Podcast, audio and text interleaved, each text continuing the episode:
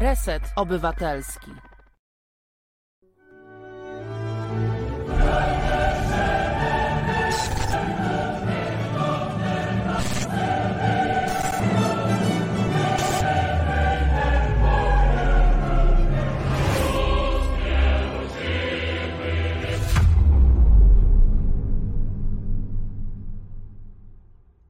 Dzień dobry Państwu.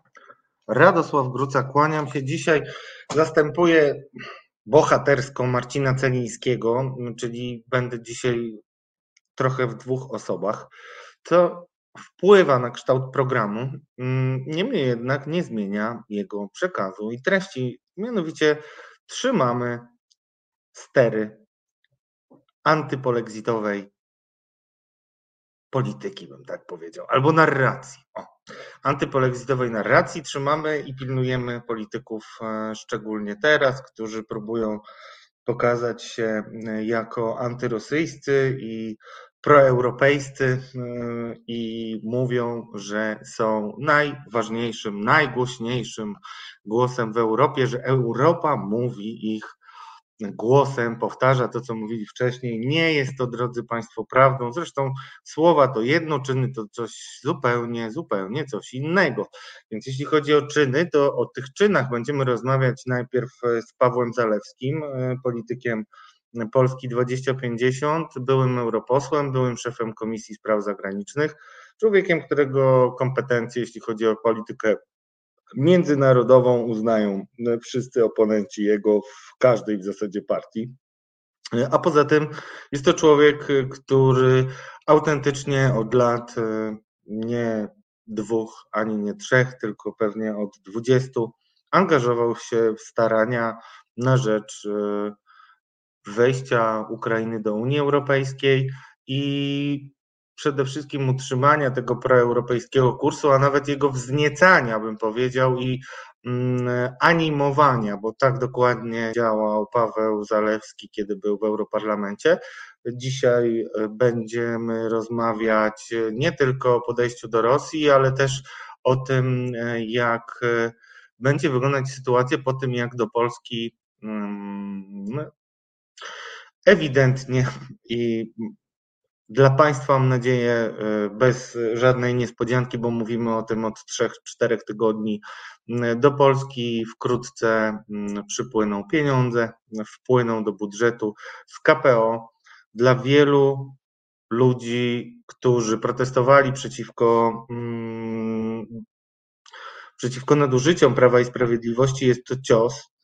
I dlatego będziemy dzisiaj rozmawiać o tym, jak sobie z tym poradzić i czy to oznacza, że e, Unia Europejska pogodziła się z tym, e, co się dzieje w Polsce i w związku z kryzysem uchodźczym, w związku z napaścią Putina na Ukrainę, postanawia wygasić spory o fundamentalne wartości, e, które mm, stanęły, mm, które były fundamentem Unii Europejskiej, drodzy Państwo. Mm, witam wszystkich forumowiczów. Witam Wojtka Polaka, który nie wiem czemu mi tu cyrylicą, drodzy Państwo, e, e, wita nas, ale witam. Olga Budniak, dobry wieczór. E, I Barnabo, dobry wieczór. Witam też Jula, naszego przyjaciela. Cieszę się, że Was się zbiera coraz więcej. Dzień dobry Miro, dzień dobry Guitar Jam Session, Edward Ździebko. O, jest Was coraz więcej, bardzo mnie to cieszy, bo widzę też nowe e, niki na czacie. Zachęcam do Was do tego, żebyście pytali, mm, stawiali pytania i ja jeszcze raz będę konsekwentnie, drodzy e, Państwo. O, cieszę się, że widzę też Marcina, bo nie odbiera ode mnie telefonów i cały jestem w nerwach. No ale cóż, e, rozumiem, że będzie z nami duchem obecny i, i i życzymy Ci, Marcinie, bardzo zdrowia, e, żebyś szybko pokonał chorobę i pomógł e, ciągnąć nasz wózek, który się rozpędza.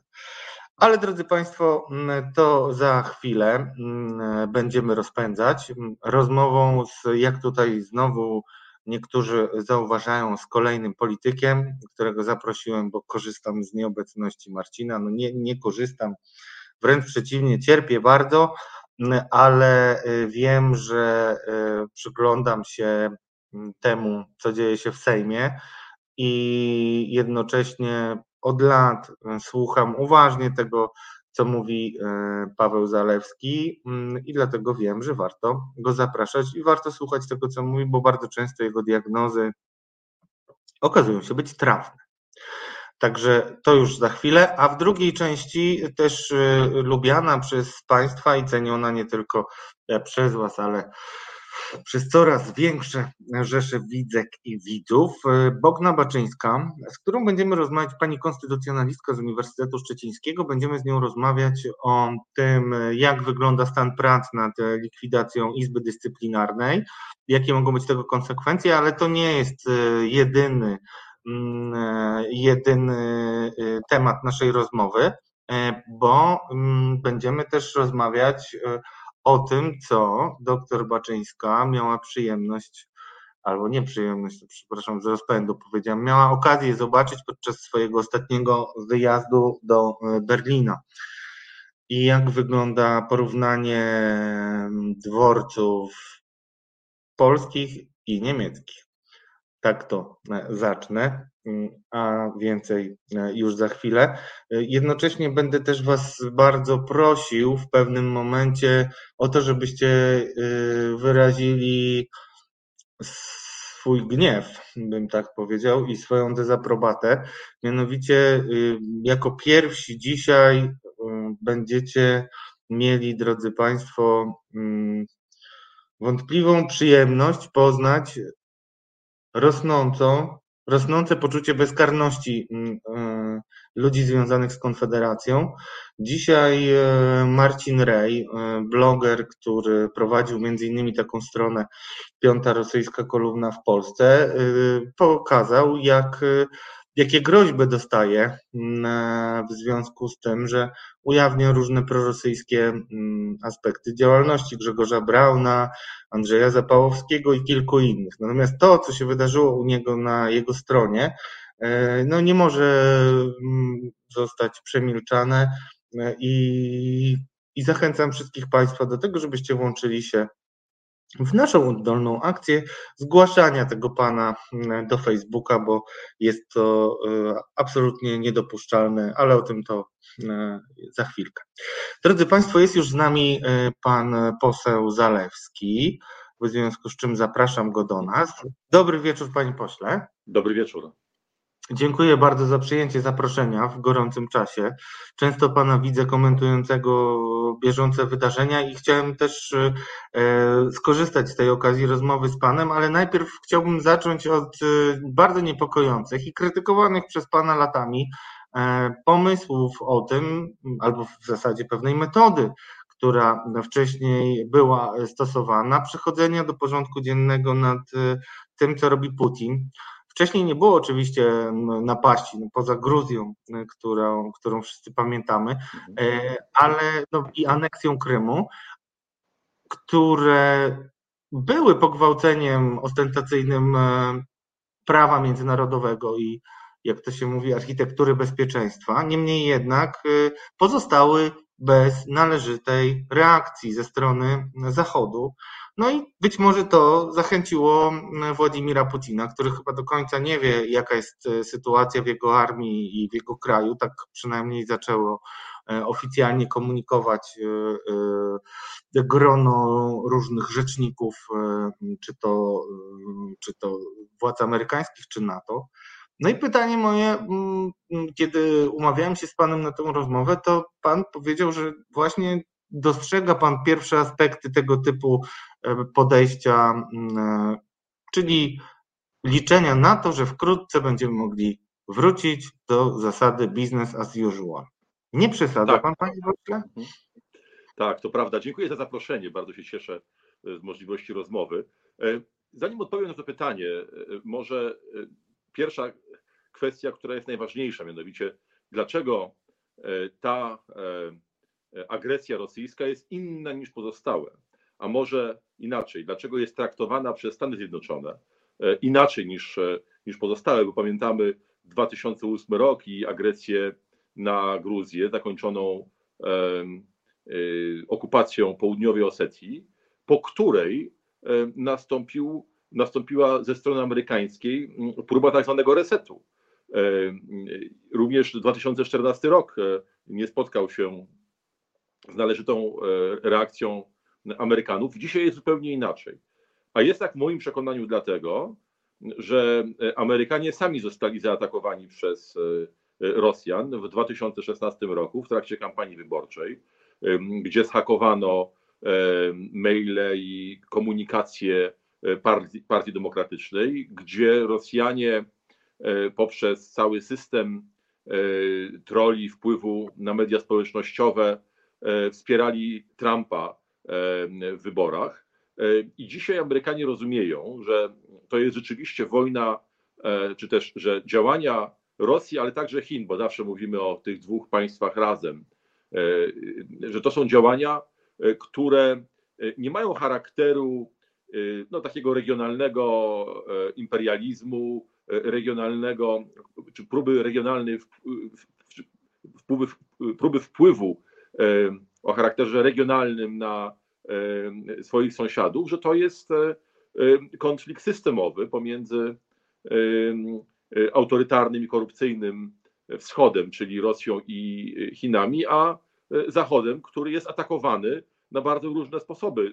Jest gorąca wojna na Ukrainie, ale przecież są ataki hakerskie, jest korupcja, jest wpływanie, szantażowanie dostawami nośników energetycznych na zachód. Także, także to jest ten powód, dla którego ta wojna jest inna, ale rzeczywiście widać wyraźnie, szczególnie no myślę po Francji i po, po Niemczech, takie próby czy też takie oczekiwanie na szybkie zakończenie tego konfliktu, nawet w sposób niesatysfakcjonujący dla Ukrainy, no, z taką nadzieją bardzo wielu kół, szczególnie biznesowych w tych dwóch państwach, ale przecież nie tylko, nie tylko w nich, że będzie można wrócić do współpracy z Rosją na zasadzie właśnie, jak to pan powiedział, tak, business as usual, ale, ale ja głęboko wierzę, że to nie jest możliwe i że to też zależy od nas, to znaczy myślę, że po tym wszystkim, co zrobił co zrobili Rosjanie na Ukrainie, po tych wszystkich bestialstwach, mordach, po zbrodniach wojennych, po tym jak Senat amerykański uznał Putina za zbrodniarza wojennego, ale także, i to też chcę podkreślić, z inicjatywy Szymona Hołowni i posłów koła Polska 2050, Sejm uznał Putina za zbrodniarza wojennego, powrót do tych E, takich interesów, jak, jak zwykle, będzie bardzo, mam nadzieję, będzie bardzo trudny. My e, zgłosiliśmy tę uchwałę e, tak naprawdę w dwojakim celu. Pierwsza to jest kwestia potępienia oczywistych zbrodni, które mają miejsce i wydaje nam się, że Sejm i parlamenty Zachodu powinny w tej kwestii się wypowiedzieć, powinny po prostu potępić działania rosyjskie.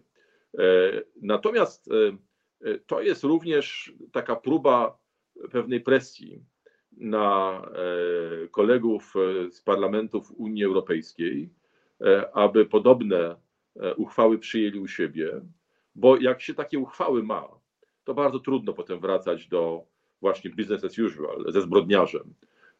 Jednak wiadomo, że Putin tej działalności, tego wpływu na Zachód, tego rozbijania jedności Zachodu, tego niszczenia rządów prawa na Zachodzie nie zakończy. Ma w tym wiernych akolitów od Orbana, który rządzi na Węgrzech, po pani Marine Le Pen, czy Vox w Hiszpanii, czy AfD w Niemczech. To są przecież partie, z którymi współpracował do niedawna i afiszował się nawet PiS. Także, także wiemy o tym, że tego typu, tego typu działalność rosyjska e, nie zakończy się. Muszę powiedzieć, że pewną taką jaskółką dla mnie bardzo ważną e, jest to, co e, powiedziała pani Liz Truss, czyli sekretarz do spraw zagranicznych Wielkiej Brytanii. Otóż ona powiedziała, że według niej sankcje na Rosję powinny zostać zniesione w dwóch przypadkach. Po pierwsze, w przypadku całkowitego wycofania się Rosjan z ziem ukraińskich, a po drugie, w sytuacji, w której Rosja zagwarantuje, że nie będzie prowadziła agresywnej polityki, nie tylko wobec swoich sąsiadów, ale także agresywnej polityki szerzej, dalej wobec, wobec Zachodu. I uważam, że to powinien być cel, który Zachód sobie stawia. Dzisiaj bardzo ważne jest, żeby ten cel postawić. E, I myślę, że ta e, próba dokonana przez e, Wielką Brytanię, ta propozycja, no oni poinformowali o, o, swoich działaniach, to już nie jest taka tylko i wyłącznie propozycja, to jest decyzja Wielkiej Brytanii, ale także propozycja dla całego Zachodu, że, że, to, jest, że to idzie w dobrym kierunku. Także tutaj mamy po prostu taką no, pewien, pewną rywalizację, konflikt dwóch koncepcji. Mam nadzieję, że wygra ta, która zakłada, iż możemy, że będziemy mogli znieść sankcje dopiero wówczas, kiedy Rosja po prostu nie będzie w stanie prowadzić agresywnej polityki. Panie pośle, chciałem pana spytać, jak pana zdaniem e, osoba, która krytykowała Orbana i wskazywała, że on jest największym przyjacielem Putina, to już ode mnie komentarz, ale jednak e, sobie pozwalam na to, że Orban jest największym przyjacielem Putina w Unii Europejskiej. W jaki sposób lege artis albo zgodnie z zasadami dyplomacji Polska powinna, polska władza polski rząd powinien zareagować na postawę rozkraczenia Wiktora Orbana, który z jednej strony nie chce potępić Rosji, no i próbuje stawać w takim rozkroku, a jedyna reakcja ze strony Prawa i Sprawiedliwości na to to jest poczekajmy, bo jeszcze trwa kampania wyborcza. No, jak, jak, załóżmy, że jest pan ministrem spraw zagranicznych, co by pan proponował swojemu premierowi? Mm, e, jakie działania, jakie decyzje, e, jakie kroki? No, przez wiele lat, ostatnio miesięcy, e, PiS był trochę przymuszany do tego, żeby zmienić politykę wobec Węgier. I muszę powiedzieć, że ostatnio dało to pewien rezultat w postaci odwołania wizyty ministra Błaszczaka w Budapeszcie, gdzie miał się odbyć szczyt e, właśnie ministrów obrony Grupy Wyszehradzkiej. Do niego w końcu nie doszło. Tutaj przykład dali Czesi. Ale, ale, ale pamiętajmy, że wcześniej zrobiła to i to w zupełnie innym stylu, takim jednoznacznym, niech wasza tak. mowa będzie tak, tak, nie, nie, e, minister obrony Czech, tak? I ona tak. powiedziała, że nie ma na to zgody, tak? Tak, tak, tak. I tutaj, i tutaj Czesi rzeczywiście dali, dali bardzo dobry przykład. E, ja mam nadzieję, że E, ten przykład czeski będzie dobrym przykładem dla, dla, dla, dla polskiej polityki, bo to, co robią Czesi w relacjach z Rosją, ale także w relacjach z Unią Europejską, w moim przekonaniu jest, jest ważne. Natomiast oczywiście nie można zostawić polityki Orbana, bo on przecież rozbija jedność unijną. On prowadzi do sytuacji, w której wiele działań e, unijnych e, po prostu jest niemożliwych albo jest podejmowanych nie na zasadzie decyzji e, gremiów do tego przeznaczonych, ale po prostu poszczególnych państw i pewnej koordynacji między tymi państwami. I tutaj niezbędny w moim przekonaniu, niezbędna jest bardzo ostra presja na Węgry. Poza tym jest już bardzo ważny instrument, z którego E, Unia Europejska powinna skorzystać. I szczególnie wobec Węgier e, ten instrument jest właściwy. To jest ten instrument praworządności, zakładający możliwość e, wstrzymania dopływu unijnych pieniędzy w sytuacji, w której wymiar sprawiedliwości danego państwa nie gwarantuje no właśnie sprawiedliwości i praworządności w wydawaniu tych środków. Wiemy o tym, że na Węgrzech powstały całe fortuny e, założone z pieniędzy, z rozkradzionych pieniędzy unijnych.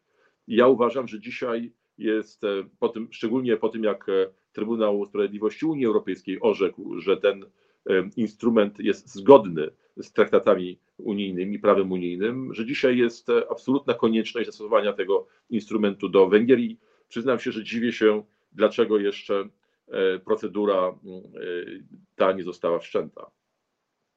No właśnie, mm, zastanawiam się też jeszcze nad e, aspektem mm, tej narracji, w jaki sposób można w ogóle odpowiadać na narrację, której no, ekstremalny przykład chciałbym panu zacytować. To jest taki nowy wątek, no trochę trudno traktować to poważnie, ale warto jednak o tym mówić, bo to jest komunikat, który idzie do tego najtwardszego mm, elektoratu PiSu, a nie jest y, szczególnie znany poza mm, tę, tą bańką, a wydaje mi się, że on dużo mówi o kondycji mm, tych, którzy wypowiadają takie słowa.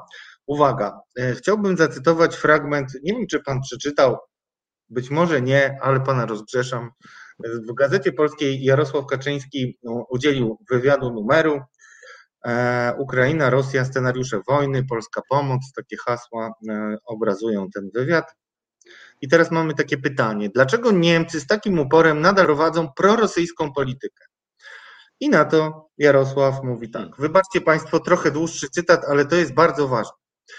E, dlaczego Niemcy prowadzą prorosyjską politykę? Interesy i uzależnienia. Niemcy ciągle widzą się w roli partnera Moskwy. Jej surowce energetyczne są uznawane za podstawę ekspansji niemieckiej gospodarki. Dziś to właśnie Berlin jest hamulcowym najboleśniejszych sankcji. Tam ciągle aktualna jest bismarckowska wizja Niemiec, które układając się z Rosją mogą dominować w Europie. Nie bez znaczenia są również czasy NRD i Stasi i na to chciałbym Państwu zwrócić uwagę. Proszę pamiętać, iż ta służba była ogromna, liczyła ponad 100 tysięcy funkcjonariuszy. Dla porównania jej PRL-owska odpowiedniczka miała jedną czwartą tego, a przecież Polska była dwa razy liczniejsza od wschodnich Niemiec. Ogromny wysiłek Stasi był nakierowany na infiltrację RFN. To z tego powodu bardzo wielu polityków zastrzegło sobie utajnienie swoich akt Stasi. Wśród nich był również Helmut Kohl. Nawet rodziny zmarłych niemieckich polityków skutecznie blokowały upublicznienie zawartości archiwum Stasi na ich temat. I uwaga, drodzy Państwo, puenta, nie sugeruję, że oni byli agentami e, Stasi, ale należy zakładać, iż ta, iż ta służba miała na nich kompromitujące materiały. Jak ja, rozumiem, że, ja rozumiem, że Jarosław Kaczyński e, chce e, lepiej dekomunizować Niemcy niż zrobił to no. Y, senator Gałk i, i, i późniejszy prezydent. Y, y, myślę, że znaczy tak, zostawmy pomówienia, zostawmy insynuacje, no bo Jarosław Kaczyński jest mistrzem w takich niedopowiedzeniach. Tutaj bardzo proszę, cała klasa polityczna niemiecka to agenci Stasi, zapominając, że akurat w Niemczech rządzi już młode pokolenie, które nie miało szansy mieć założonych teczek y, w bardzo wielu przypadkach y, i to są po prostu oskarżenia nie trzymające się faktów. Ale, ale porozmawiajmy poważnie o, o Niemczech, bo, bo to jest ważna dyskusja, a ona przez PiS jest karykaturyzowana, karykaturyzowana i, i to nam utrudnia bardzo zrozumienie świata. I Oczywiście, jeżeli byśmy sięgnęli do historii, no to ta próba e, porozumienia się z Rosją, porozumienia się e, z Anglią, no, po stronie niemieckiej w różnych okresach historycznych miała miejsce. Oczywiście, że wtedy chodziło o e, dominację i rynki, o surowce. Ta natura polityki trochę się zmieniła po tym, jak powstała Unia Europejska. I Unia Europejska zbudowała mechanizm takiego e, bardzo solidarnego rozwiązywania konfliktu, bo przecież dopóki istnieją państwa narodowe, one cały czas w Europie istnieją, dopóty e, jedną, jednym z elementów relacji między nimi jest konflikt, konflikt interesów, to jest oczywiste. E, ale Unia Europejska doprowadziła do poważnej zmiany w taki sposób, że ze względu na tak bardzo wiele interesów, które są poddawane takiemu arbitrażowi, nazwijmy to, czy też mechanizmowi arbitrażowemu, politycznemu. On nie ma charakteru sądowego. I ponieważ tak wiele państw jest włączonych w ten mechanizm, a państwa mają różny stosunek do tych samych spraw, biorąc pod uwagę, że codziennie podejmuje Unia decyzje w sprawie bardzo wielu kwestii, no to efekt jest taki, że na koniec bilans dla każdego z państw jest korzystny. To nie jest logika zero-jedynkowa, jak kiedyś w XIX wieku w relacjach między państwami, że jedno państwo musiało tracić, żeby, żeby drugie zyskało. Dzisiaj w Unii Europejskiej jest inaczej. I tej logice również są poddawane Niemcy. To nie oznacza, i teraz, a może jeszcze inaczej, e, i dzisiaj Niemcy są naszymi sojusznikami e, i w Unii Europejskiej, i w NATO. I ja mam czasami wrażenie, słuchając polityków PiSu, e, ich niebywale agresywnego tonu, który przechodzi bardzo często w obrażenie, obrażanie partnera i sojusznika że oni nie rozumieją, że dzisiaj Niemcy są naszymi sojusznikami. Dzisiaj Niemcy mm, nie są takim krajem jak w XIX wieku, czy jak do II wojny światowej. I że, e, nie wiem, e, Rapallo e, nam już nie grozi, tak? Czyli ten układ 22 roku między wykluczonymi z życia międzynarodowego Pariasami. Niemcami. Układ dwóch pariasów, tak wczoraj mówił o tym w Katarzis profesor Stanisław Żerko i opowiadał a no mhm. właśnie, a no właśnie, więc, więc e, że to już nam po prostu nie grozi. Natomiast to nie jest tak, że gospodarka niemiecka nie szuka e, przewag konkurencyjnych.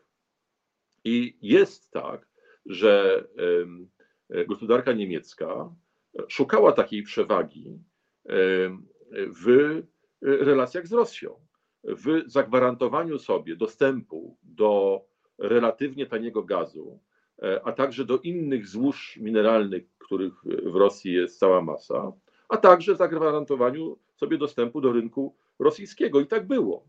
I oczywiście, że efektem tej polityki jest Nord Stream 1, Nord Stream 2, to, to całe uzależnienie bardzo poważne od Rosji, które Niemcy myśleli, że ma charakter dwustronny, że jak się jeden kraj uzależnia, to drugi też jest uzależniony.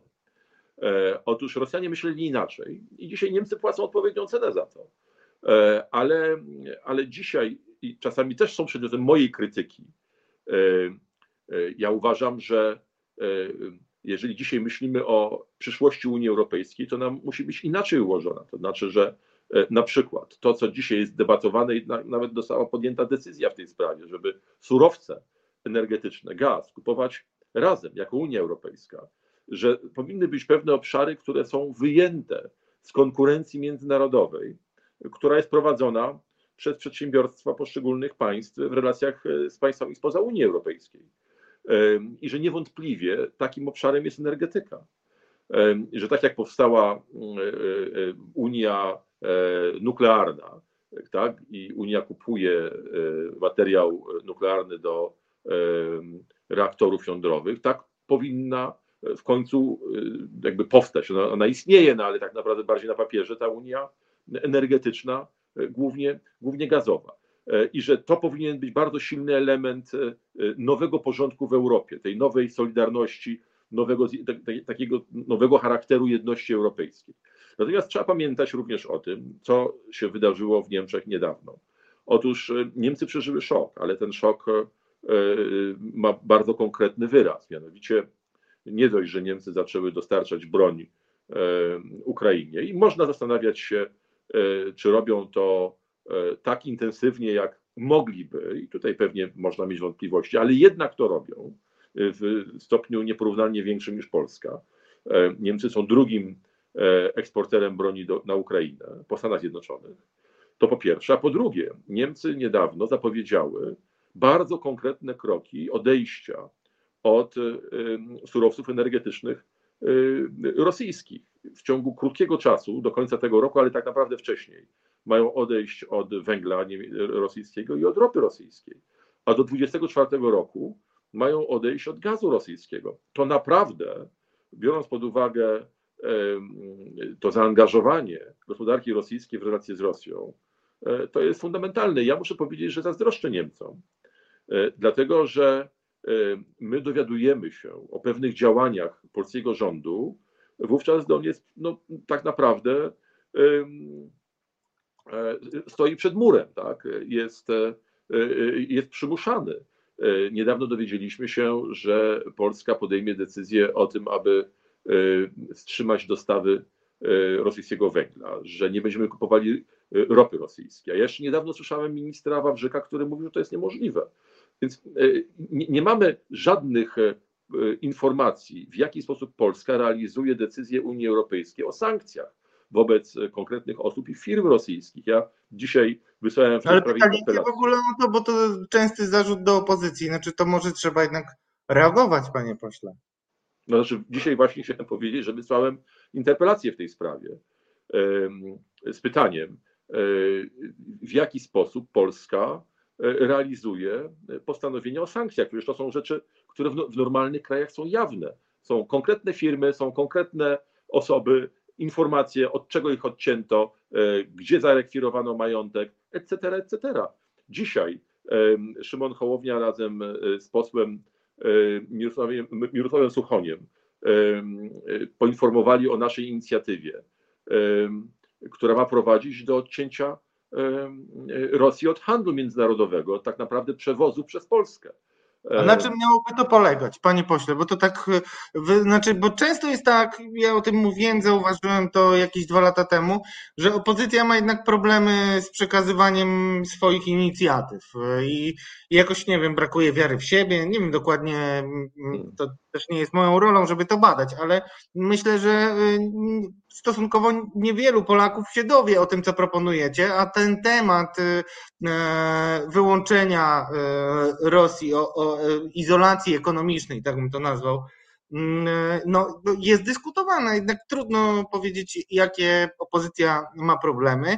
Jeszcze potem spytam pana na pewno o wystąpienie marszałka Grodzkiego, ale jeśli, jeśli mówi pan, że zgłosiliście taką propozycję, to proszę nam powiedzieć, na czym ona by polegała. Znaczy, po pierwsze, przypomnę, e, że do ustawy o pomocy Ukrainie włączyliśmy e, paragraf, w, których, w którym e, de facto zabranialiśmy tranzytu na teren Rosji i Białorusi przez Polskę. PiS ten punkt odrzucił, w związku z tym wystąpimy z inicjatywą legislacyjną, ustawą która będzie do tego się odnosiła. A ja przypomnę również, że bardzo wiele decyzji tkwi jakby w rękach rządu i to nie wymaga wyłącznie, czy też naprawdę nie wymaga jakiejś podstawy ustawowej, bo przecież zgodnie z prawem unijnym w sytuacji zagrożenia bezpieczeństwa, a przecież mamy do czynienia, do czynienia z sytuacją zagrożenia bezpieczeństwa, dane państwo może wstrzymać tranzyt, czy też wstrzymać e, przewozy towarowe e, przez swój e, teren. I my możemy, to naprawdę jest w naszej suwerennej decyzji rządu, rządu w Warszawie, aby taką decyzję podjąć, żeby wstrzymać przewozy towarowe do Rosji na Białoruś. Ja muszę powiedzieć, że rząd w sprawach zupełnie niezrozumiałych, histerycznie twierdzi, że należy tutaj bronić polskiej suwerenności. Dotyczy to tak naprawdę kwestii, w których e, rząd e, chce e, złamać wolności obywatelskie, albo złamać konstytucję, albo złamać praworządność. Wtedy twierdzi, że ma do tego prawo i że Unia Europejska nie powinna mu tego prawa odbierać. A gdy dotyczy to naprawdę ważnej kwestii, czyli odcięcia Rosji od towarów z Zachodu, no i ma możliwości, aby wykorzystać, e, a, które może wykorzystać i e, takie decyzje podjąć, no to, to tego nie robi, znaczy nie, nie realizuje tego swojego suwerennego prawa. No to jest wszystko niespójne i niewiarygodne.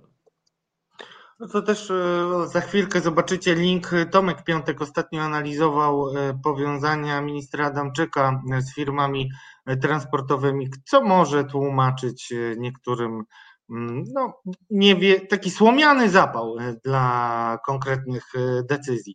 E, panie pośle, dalej chciałem spytać o kwestię KPO. Dzisiaj o, znowu przełożono posiedzenie komisji, która miała zajmować się projektami likwidującymi Izbę Dyscyplinarną. Tak mówię bardzo ogólnie, bo różnie są oceniane. Wiadomo, że mamy projekt prezydenta, który krótko można streścić e, powiedzeniem, że zmieniamy tabliczkę i lecimy dalej. To mniej więcej tak to wygląda, aczkolwiek jest to jakaś forma kompromisu. mm, pan jest posłem, chciałem spytać, jak pan uważa, jakie mogą być dalsze losy tych ustaw? W Sejmie podjęliśmy decyzję o losie pięciu projektów. My w kole Polska 2050 poparliśmy projekt środowisk prawniczych, który bardzo szeroko rozwiązywał kwestie braku praworządności w Polsce, przede wszystkim dotykając sprawy neo-KRS-u, ale także Izby Dyscyplinarnej. Poparliśmy również projekt Lewicy. Te dwa projekty odpadły. Natomiast przeszły głosami większości rządowej projekt PiSu firmowany przez posła Asta oraz Solidarnej Polski, a także projekt prezydenta. My w tej sprawie się wstrzymaliśmy, akurat w sprawie projektu prezydenckiego, bo mm, uważaliśmy, że to jest jakaś próba e, rozwiązania problemu e, i wyjścia naprzeciw e, oczekiwaniom Polaków przede wszystkim, aby w jakiejś kwestii, czyli w kwestii odpowiedzialności dyscyplinarnej sędziów, a więc niewielkim zakresie problemów praworządności, które są w Polsce, no ale jednak, że to jest jakaś próba szukania rozwiązania. My informowaliśmy, że takiego projektu, który został zgłoszony przez prezydenta, nie poprzemy, ale że chcemy nad nim pracować, że mamy pięć poprawek, które istotnie zmienią go w taki sposób, że te zmiany nie będą, tak jak pan redaktor powiedział, tylko jakby maskujące problem, ale go naprawdę rozwiążą. Natomiast rzeczywiście dzisiaj miało odbyć się posiedzenie komisji, która miała rozpocząć pracę nad tymi trzema projektami, czyli prezydenckim PiSu i Solidarnej Polski. Ale w moim przekonaniu zostało odwołane dlatego, że PiS uznał, że nie ma, że nie ma większości. To znaczy, Solidarna Polska jednoznacznie powiedziała, że nie poprze projektu prezydenta. A on zdaje się, że ma być jakimś punktem wyjścia do prac dalszych. Niestety PiS Y, przynajmniej na razie, y, nie odnosi się pozytywnie do tych poprawek, które zapowiedzieliśmy, ale raczej chce zmieniać ten projekt jakby w swoją stronę, czyli, czyli, czyli pogorszyć jeszcze to, co prezydent wniósł, uważając, że to wystarczy. Zobaczymy. Ja myślę, że efekt będzie taki, że zostanie przyjęty projekt istotnie zmieniony przez PiS i przez Solidarną Polskę projekt prezydenta i że w ten sposób PiS będzie miał dla niego większość. To nie rozwiąże problemu e, e, odpowiedzialności dyscyplinarnej. No niemniej stworzy pewną zaporę taką dymną e, wobec Komisji Europejskiej, że PiS ten problem rozwiązuje. Panie pośle, a w co gra w ogóle Solidarna Polska i Zbigniew Ziobro? No myślę, że w wybory, to znaczy myślę, że to jest bardzo przemyślana strategia E, myślę, że Zbigniew Ziobro e, e, odebrał tę lekcję sprzed wielu lat, kiedy no, rzeczywiście został sam i Jarosław Kaczyński bardzo umiejętnie odebrał mu posłów, wpływy i wyborców.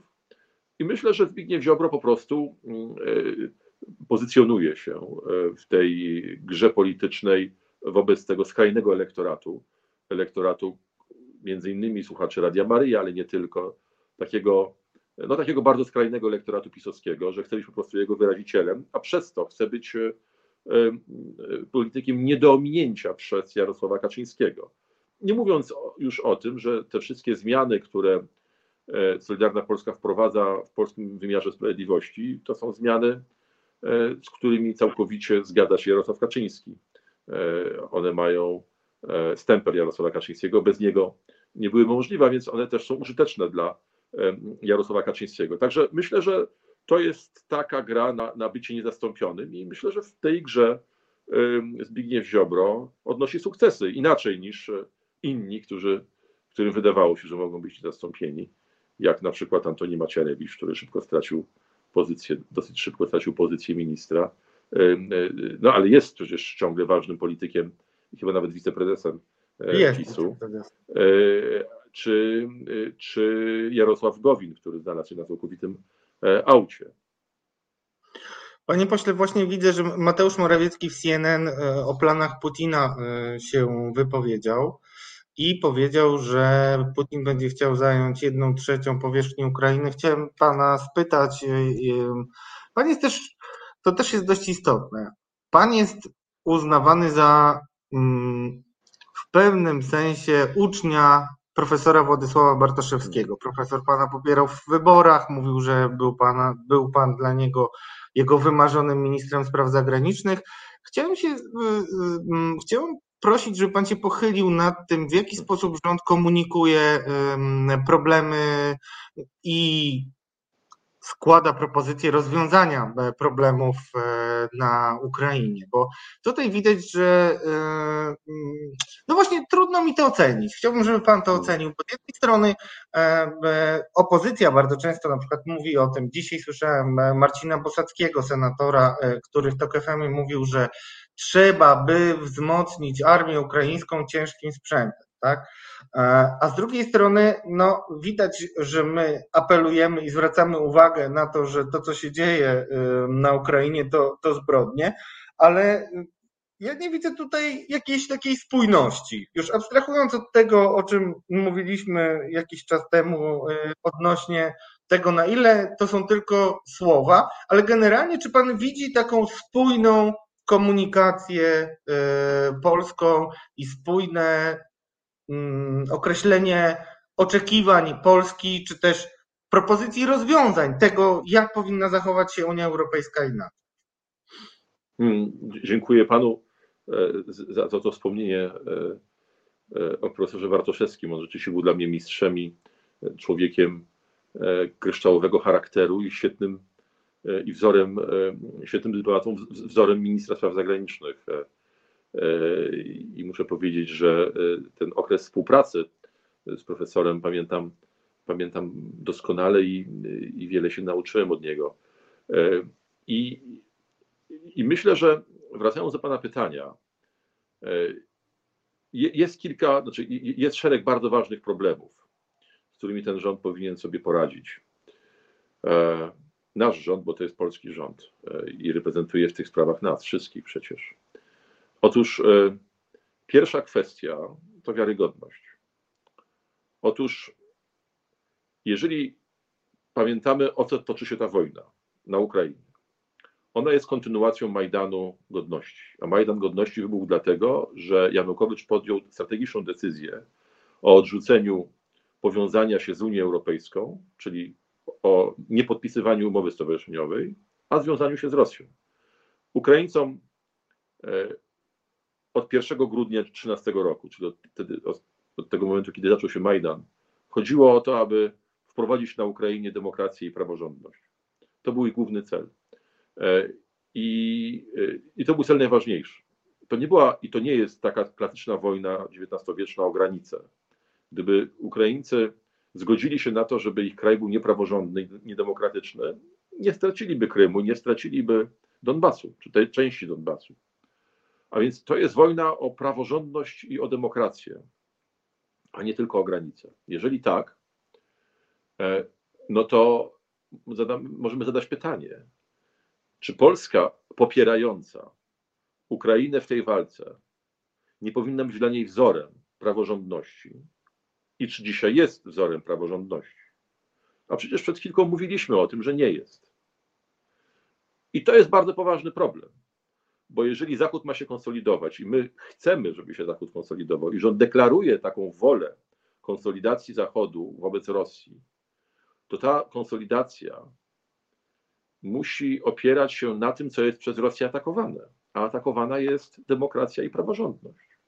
A więc nie można e, e, prowadzić wiarygodnie działań, które mają na celu przeciwstawienie się tego, temu, czego chce Putin, zarazem jakby działając zgodnie z jego intencjami, czyli niszcząc praworządność w Polsce. To jest po prostu niemożliwe. I my odeszliśmy od tego problemu, bo rzeczywiście wojna, mordy, e, tragedia uchodźców, e, e, już niedługo 2,5 miliona, pewnie 3 Ukraińców. To wszystko nas zajęło i słusznie, ale nie możemy właśnie przez szacunek do Ukraińców, do ich ofiary, ale także do nas samych. Nie możemy zapomnieć, o co toczy się ta wojna i dlaczego opieranie się Putinowi polega na wzmacnianiu praworządności i demokracji, a nie na osłabianiu. I to jest bardzo ważne, żeby to również dzisiaj powiedzieć. To jest pierwsza kwestia. Druga kwestia, no rzeczywiście to, to, też o tym mówiliśmy. Rząd wzywa do bardzo mocnych sankcji, a sam nie komunikuje, jakie sankcje wprowadza. No, to nie jest wiarygodne. Rząd krytykuje Niemcy, gdy Niemcy e, pokazują e, bardzo dokładny harmonogram e, odchodzenia od zależności. I dopiero pod wpływem polskiej opinii rząd podejmuje decyzję o tym, aby zrobić to samo.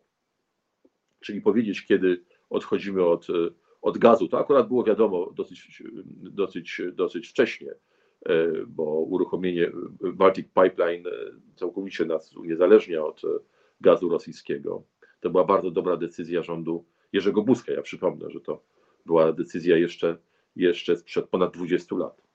E, natomiast, e, natomiast e, dzisiaj rząd nie pokazuje, w jaki sposób prowadzi tą, te sankcje, gdy inne kraje Zachodu to robią. No i kolejna sprawa. No ta słynna wyprawa kijowska, bardzo potrzebna Ukraińcom. Ja myślę, że to będzie taki ważny punkt odniesienia w historii naszych relacji i z tego E, z tego punktu uważam, że to był dobry, do, do, dobra wizyta, ale e, przedstawienie propozycji e, jakiejś misji pokojowej, a następnie odmawianie jej, czy informacji, na czym ona miałaby polegać. Ja, ja kilkukrotnie w Sejmie pytałem się Jarosława Kaczyńskiego, o co chodzi w tej misji, jaki miałby być jej cel, jakich, przy jakich okolicznościach miałaby zostać powołana. Otóż odmawianie tego i Polakom, i opinii międzynarodowej, a zarazem niepoinformowanie o tej inicjatywie najpierw prezydenta, czy też Stanów Zjednoczonych, nieskonsultowanie tego z nimi i sojusznikami, a także, jak się okazało niedawno, nie przedstawienie tej propozycji prezydentowi Zeleńskiemu, no, no jest naprawdę jakąś przedziwną manierą, z całą pewnością całkowicie sprzeczną z jakąkolwiek sztuką dyplomatyczną, której e, wielkim mistrzem był właśnie Władysław Bartoszewski.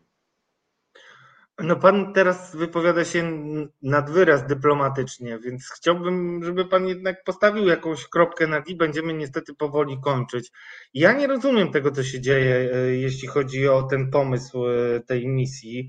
E, najpierw padł, potem była dyskusja, potem NATO systematycznie wygaszało temat. Jeszcze przez chwilę była reaktywacja pomysłu w tym sensie, że media prorządowe mówiły, że będzie to dyskutowane między innymi z Bidenem i wcześniej na szczycie NATO. Nic takiego się nie stało. I na końcu sam Wołodymyr Zeroński wyszedł i, i powiedział, że to, to jest jakieś nieporozumienie. No i Tomasz Piątek, mój redakcyjny kolega, bardzo mocno zaatakował za tę propozycję mm, Zełańskiego, wskazując, że ona padła w takim czasie. Znaczy Kaczyńskiego. Słucham? Zaatakował Kaczyńskiego, czy Zeleńskiego? Zaatakował Kaczyńskiego, tak, przepraszam. Kaczyńskiego zaatakował, ponieważ ta jego propozycja padła w czasie, kiedy już wcześniej zaczął Zełański wysyłać pewne sygnały odnośnie ewentualnego kompromisu. Jak to pan rozumie? Skąd to się wzięło? Tam pan też był ważnym człowiekiem, e, który wytyczał pewne kierunki w polityce zagranicznej i, kiedyś nawet PiS pana słuchał e, w, pewnej części. Jak pan zaczął krytykować, to się to skończyło tak, że, e, że się PiS obraził. Widzi pan sens w tej propozycji? To może najpierw tak. E, jej przeprowadzenie jest kompromitujące dla państwa polskiego.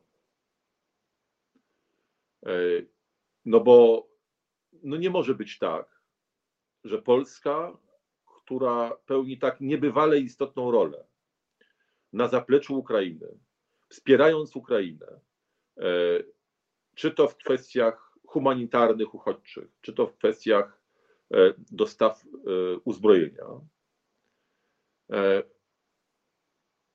prowadzi politykę, która upoważnia partnerów do potraktowania jej niepoważnie.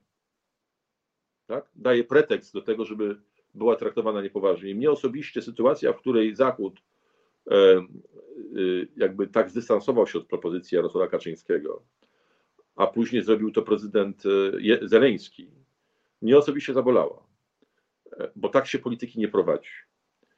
Ale teraz druga strona Pana pytania, o co może tak naprawdę chodzić? Ja nie wiem, bo zadałem pytania, na które nie dostałem odpowiedzi.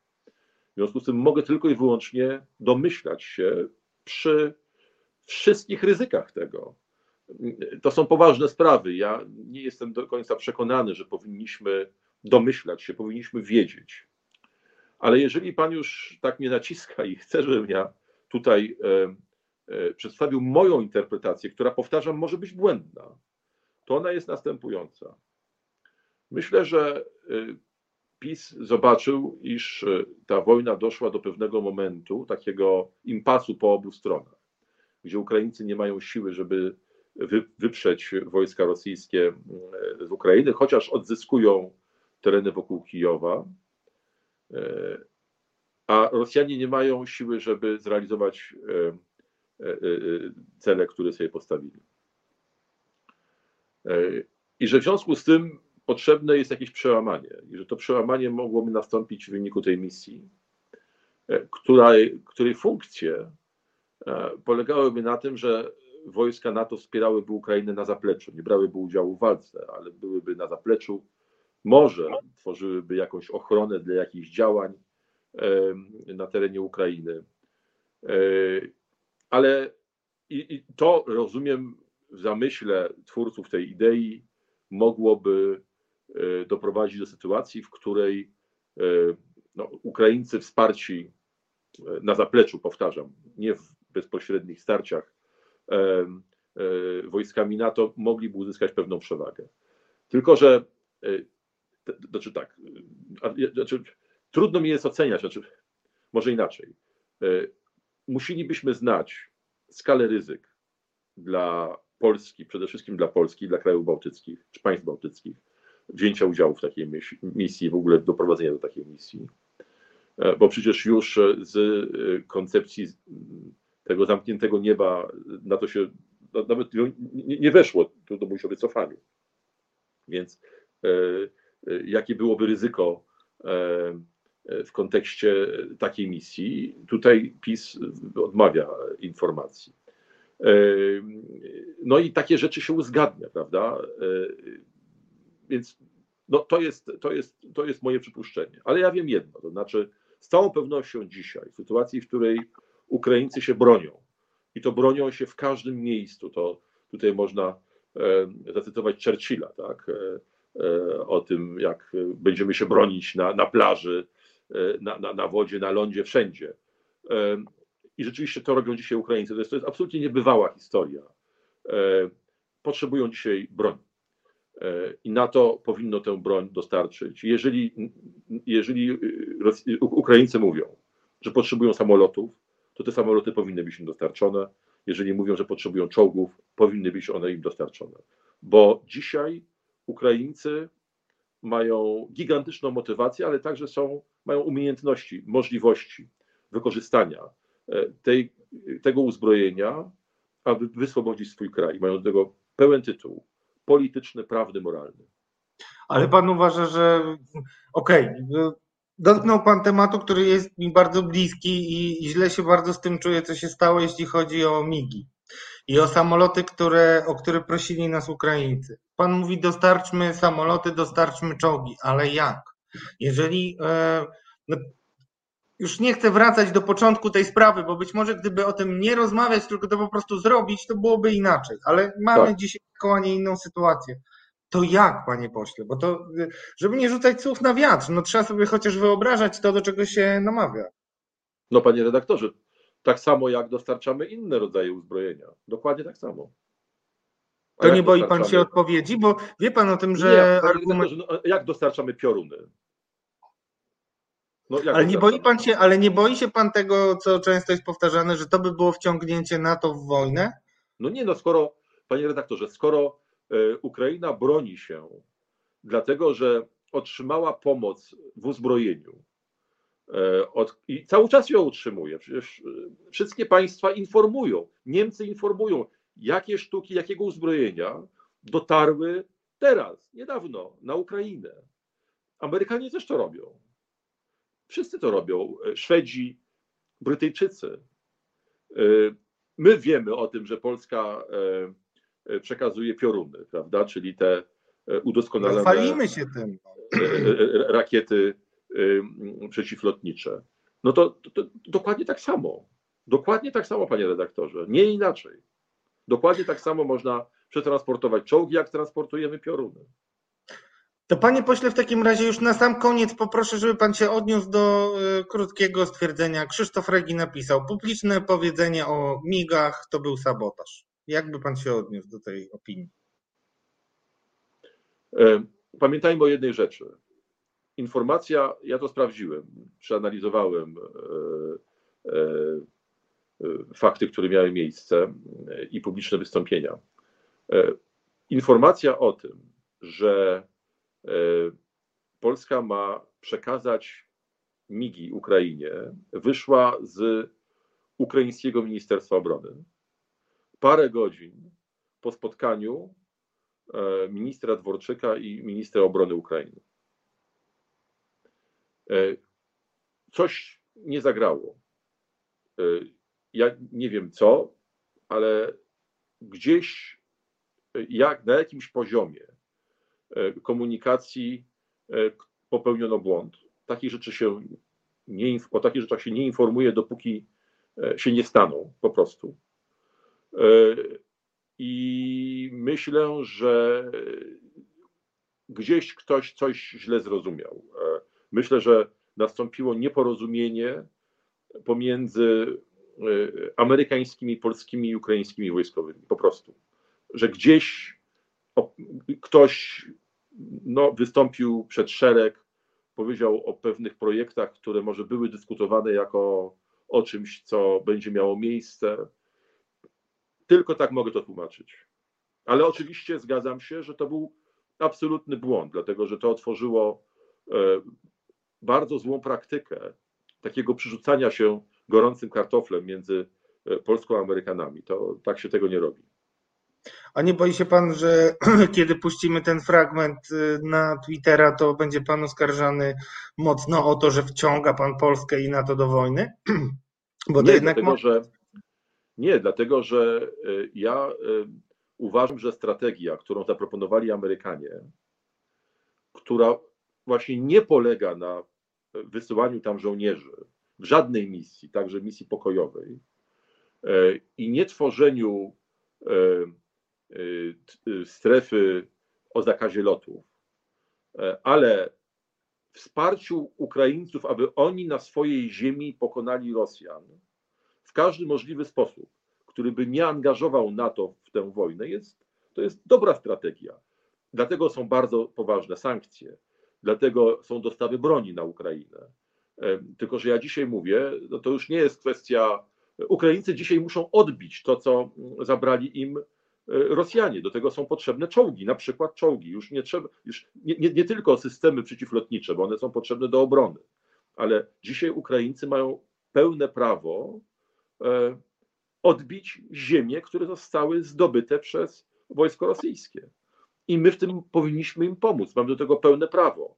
I to nie jest e, wchodzenie w konflikt zbrojny z Rosją, ale przecież my w tym konflikcie politycznym z Rosją już się znaleźliśmy. Sankcje, wsparcie dla Ukrainy, y, wszystko to, co mówimy i komunikujemy odnośnie tego konfliktu między praworządnością i demokracją, a z drugiej strony autorytarną korupcją, to już jest konflikt. To już się dzieje. Teraz ważne jest, żeby nie przekroczyć cienkiej czerwonej linii. I ja uważam, że dostawy broni nie są przekroczeniem cienkiej czerwonej linii. Przekroczeniem cienkiej czerwonej linii byłoby prowokowanie starć pomiędzy żołnierzami NATO, a żołnierzami rosyjskimi. A o tym nie rozmawiamy. Panie pośle, chciałem e, na koniec spytać, na ile grozi nam to, że sprawdzą się słowa Churchilla, który kiedyś mówił e, o hańbie i wojnie. Nie wiem, czy hańba to jest właściwe słowo, szczególnie hmm. dzisiaj, ale czy takie kunktatorstwo to jest trochę na wyrost o tym mówię, bo jednak sankcje ekonomiczne są mordercze dla Rosji, ale jednocześnie no, musimy patrzeć na to, jak y, dziesiątki, setki Ukraińców giną, niszczone są im domy, gwałcone są ich kobiety, okradane są ich domostwa. Czy myśli pan, że może się kiedyś nam przypomnieć to powiedzenie Churchilla o tym, którzy nie chcieli, mm, wybrali hańbę, a i tak dostali wojnę. Zamiast hańby uznajmy, powiedzmy, kunktatorstwo lub też e, brak odwagi. Panie redaktorze, najpierw przypomnienie, w jakich e, warunkach Churchill powiedział te słowa. E, otóż to było po Monachium, kiedy Chamberlain, premier e, Wielkiej Brytanii, wtedy twierdził, że przywiózł spokój. I wiadomo było, że tego pokoju nie będzie i że to jest tylko oddalenie wojny w czasie. E, Wielka Brytania nie miała sojuszu e, z Czechosłowacją, ale ten sojusz e, miała Francja. I Francja odmówiła pomocy wojskowej Czechosłowacji, skłaniając ją do tak naprawdę oddania Sudetów, czyli części swojego terytorium Niemcom. I to rzeczywiście była hańba.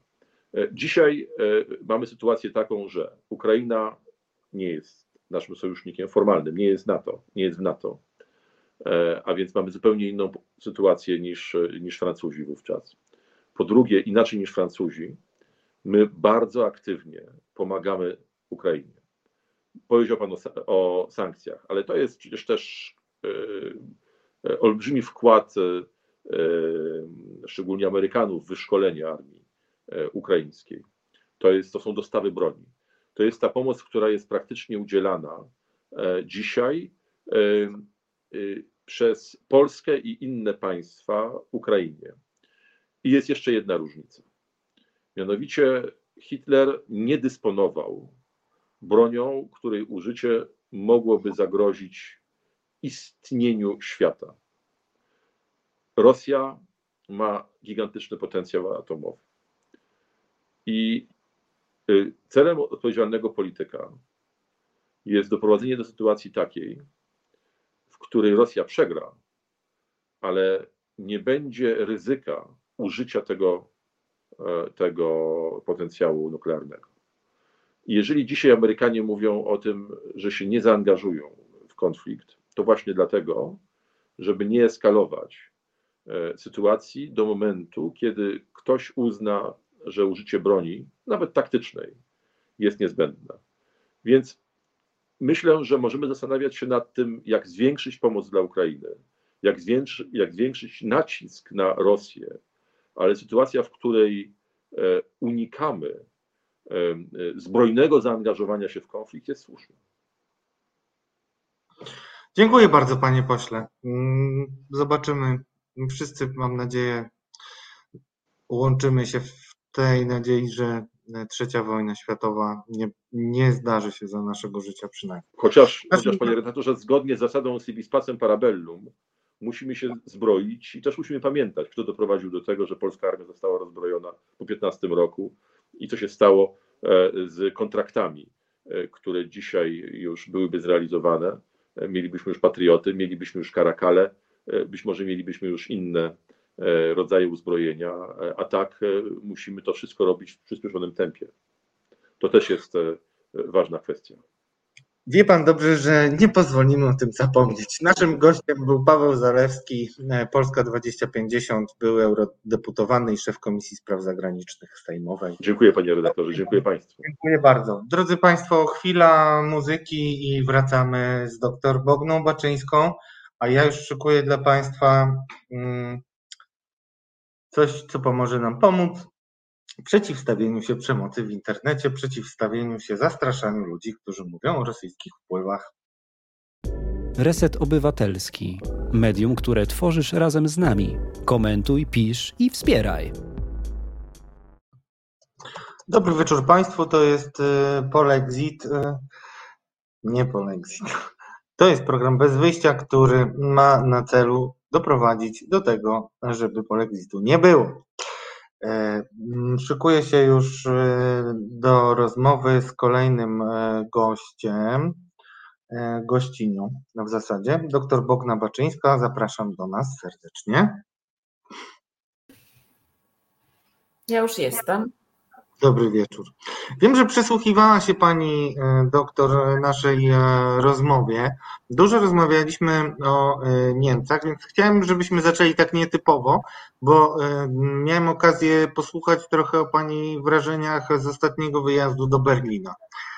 A ponieważ jest Pani osobą, która biegle posługuje się językiem niemieckim i także zerka co jakiś czas na niemieckie media, to tym chętniej e, posłucham, e, jak pani widzi postawy Niemców w stosunku do wojny i w stosunku do kryzysu uchodźczego. No więc takie pierwsze wrażenie, bo ja wyskoczyłam tylko na chwilę do Berlina na jeden dzień. Było takie, że opuściłam dworzec w Szczecinie, na którym się dużo działo, na którym było widać uchodźców, na którym było widać wolontariuszy Przejechałam do mm, Berlina. Na Berlinie wysiadam na dworcu głównym i tam panuje absolutna cisza, spokój. Ani uchodźców, ani jakichś stanowisk pomocy. Zaczęłam się za tym rozglądać i wreszcie na którymś tam poziomie znalazłam takie małe stanowisko pomocy i poza tym nic. Nic, w Niemczech się nic nie dzieje tych uchodźców nie widać. Oni zapewne są, bo oni też do Niemiec e, trafiają, szczególnie jeżeli mają tam rodziny. E, ale ja wtedy sobie uświadomiłam, dlaczego media niemieckie tak bardzo dużo mówią o pomocy, którą Polacy świadczą uchodźcom i dlaczego właściwie e, cały czas są takie lajfowe E, transmisje czy z Warszawy, czy z Przemyśla, czy z, z takich miejsc, czy bezpośrednio z granicy. I pokazywane jest to, jaki tłum ludzi do nas przybywa i jak perfekcyjnie zorganizowana jest pomoc, i że jest to przede wszystkim pomoc oddolna. Czy to jest pomoc poszczególnych ludzi? Na przykład mowa była o tym, jak przyjeżdżają osoby na granicę, mówią: Mam samochód, mogę was gdzieś zawieźć, gdzie chcecie jechać. Muszę powiedzieć, że mm, na Niemczech zrobiło to gigantyczne wrażenie. E, Polacy zostali e, zauważeni z takiej perspektywy e, bycia ludźmi bardzo serdecznymi, otwartymi, gotowymi do pomocy. Jest to dla Niemców ciężkim szokiem, jeżeli porównują sytuację z tym, który był w czasie konfliktu w Syrii, gdzie Polska się zamknęła, przynajmniej jako kraj, bo oczywiście nie zrobili tego wszyscy, to nie, nie płynęło od obywateli, tylko e, przede wszystkim od rządu, gdzie mowa była o jakichś pasożytach, które mogą przenieść i że absolutnie my ich nie wpuścimy i że to jest takim jakimś bardzo dobrym e, gestem. Więc e, Niemcy myślę, że doszli do wniosku, że Polacy to są w ogóle coś tacy niezbyt pomocni, zamknięci w sobie. I w tej chwili ta niesamowita pomoc, którą my świadczymy, mm, jest takim wielkim pytaniem, jeżeli Polacy to robią, jeżeli naprawdę tacy są, a są wspaniali, to co się działo wcześniej? Dlaczego oni nie zareagowali wcześniej na inną ciężką sytuację, kiedy byli uchodźcy z Syrii, uciekający przed wojną, uciekający przed zniszczeniami, przed bardzo trudną sytuacją? Co się takiego stało? Ja muszę powiedzieć, że mm, też oglądałam na początku niemiecką telewizję.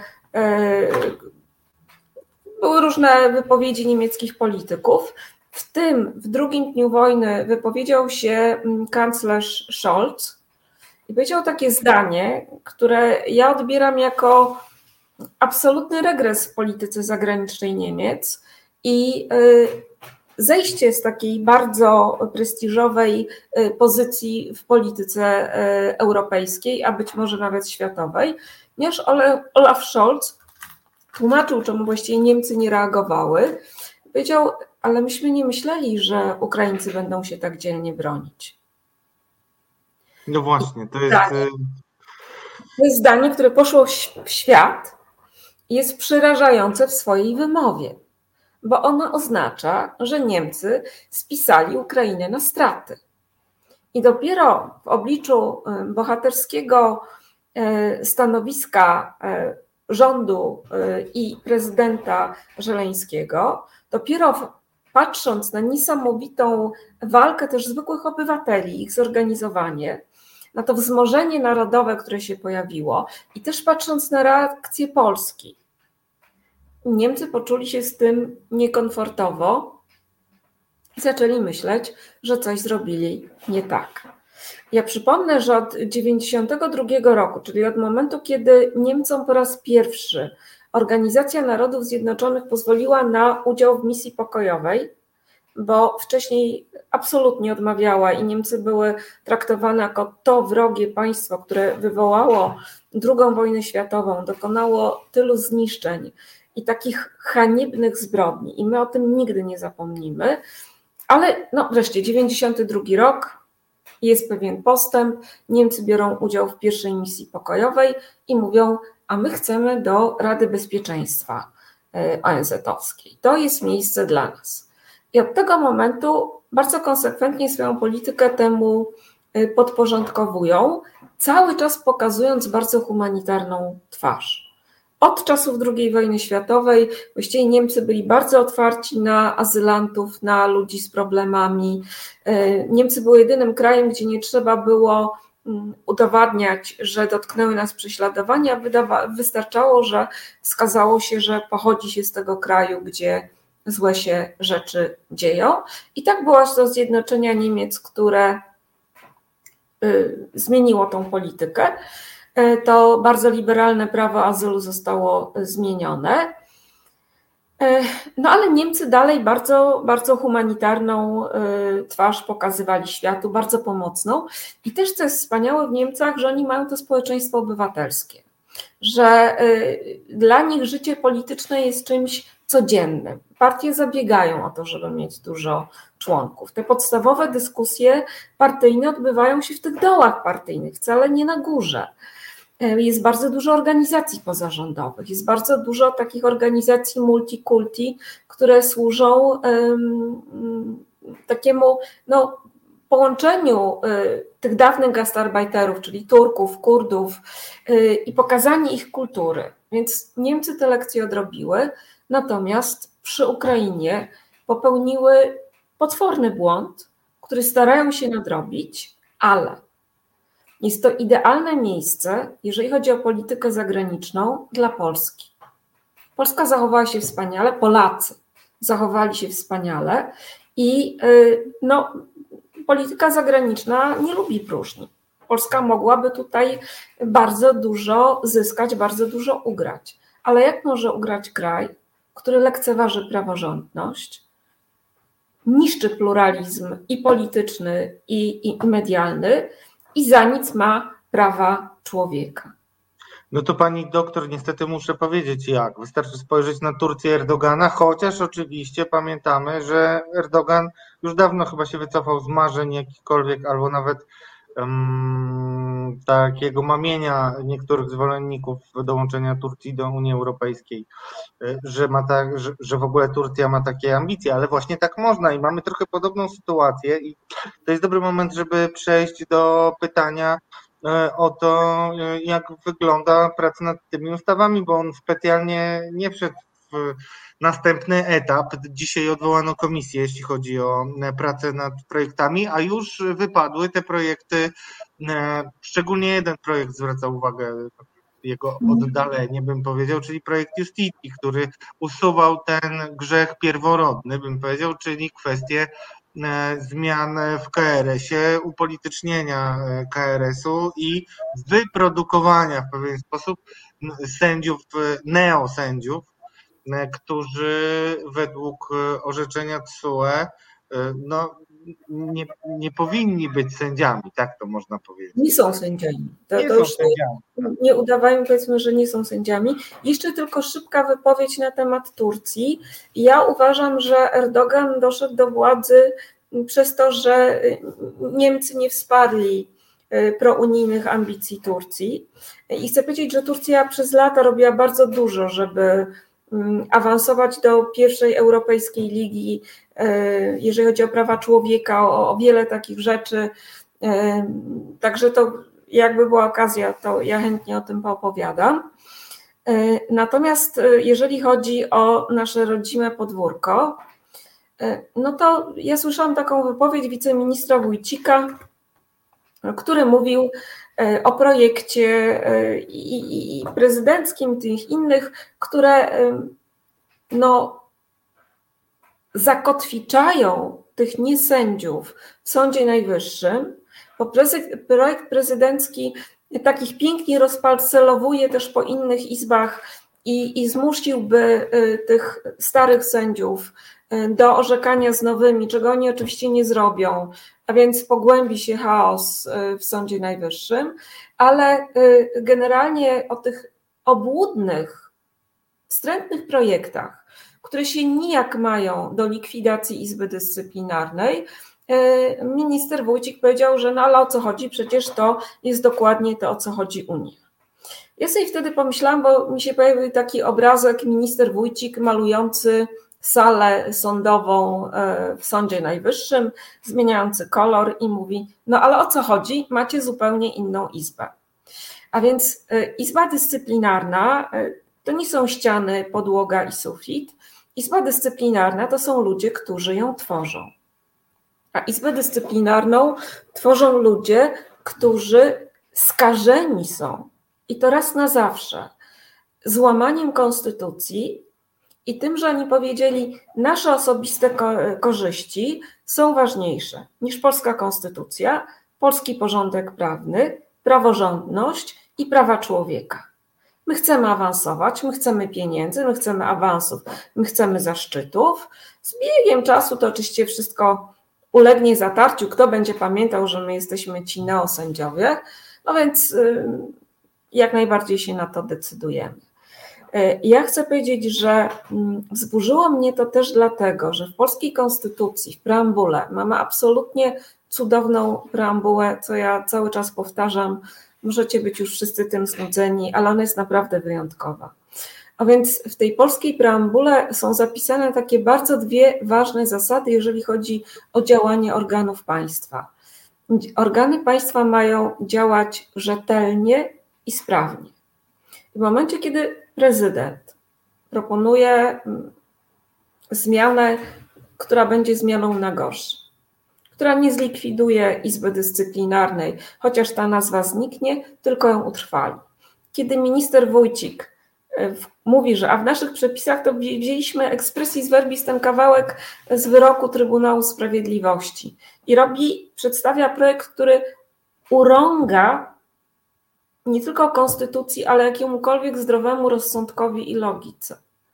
To ja sobie myślę, dzieje się coś bardzo złego, jeżeli osoby tej rangi bawią się państwem, nie tylko zapominając o demokratycznym państwie prawa czy o legalizmie formalnym, ale zapominając o sprawności i rzetelności.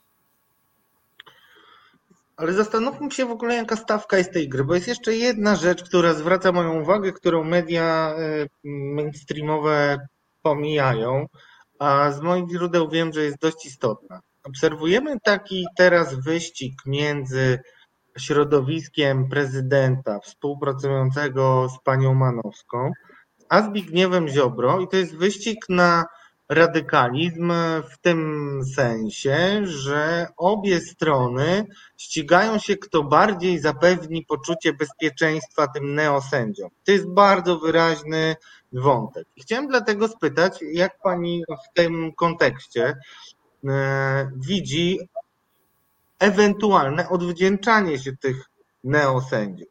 Powiem o co mi chodzi wprost.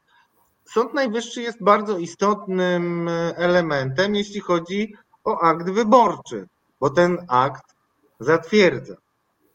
I chciałem spytać, czy w świetle tego, co wiemy, mamy też różne sygnały o tym właśnie, że nie ma e, jawnego algorytmu, który losuje sędziów do poszczególnych spraw, dziwne decyzje tych, którzy zostali e, neosędziami, e, też były opisywane w kilku przynajmniej przypadkach. Czy pani, czy, czy jest jakaś pokusa do tego, żeby zostawić sobie sędziów w Sądzie Najwyższym wiernych sobie, szczególnie w tej izbie, która miałaby odpowiadać za wybory? Jak to w ogóle wygląda? Jakie są kompetencje Sądu Najwyższego, jeśli chodzi o wybory? Bo zdaje się, że ludzie nie zdają sobie sprawy ze stawki tej no, ostatniej deski ratunku, jak to można odbierać. No Sąd Najwyższy jest tym organem, który orzeka o ważności wyborów, czyli rozpatruje wszystkie mm, protesty wyborcze i ogólnie przygląda się temu procesowi.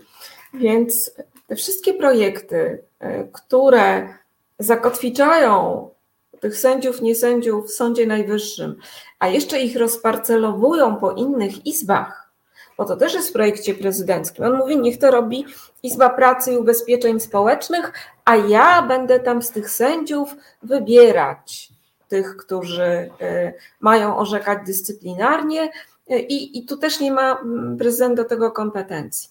No to jest i osadzanie ich w Sądzie Najwyższym i zbliżanie ich coraz bardziej y, do tego, żeby byli w tej izbie E, i blisko tej funkcji, e, jaką jest orzekanie o ważności w wyborach w Polsce.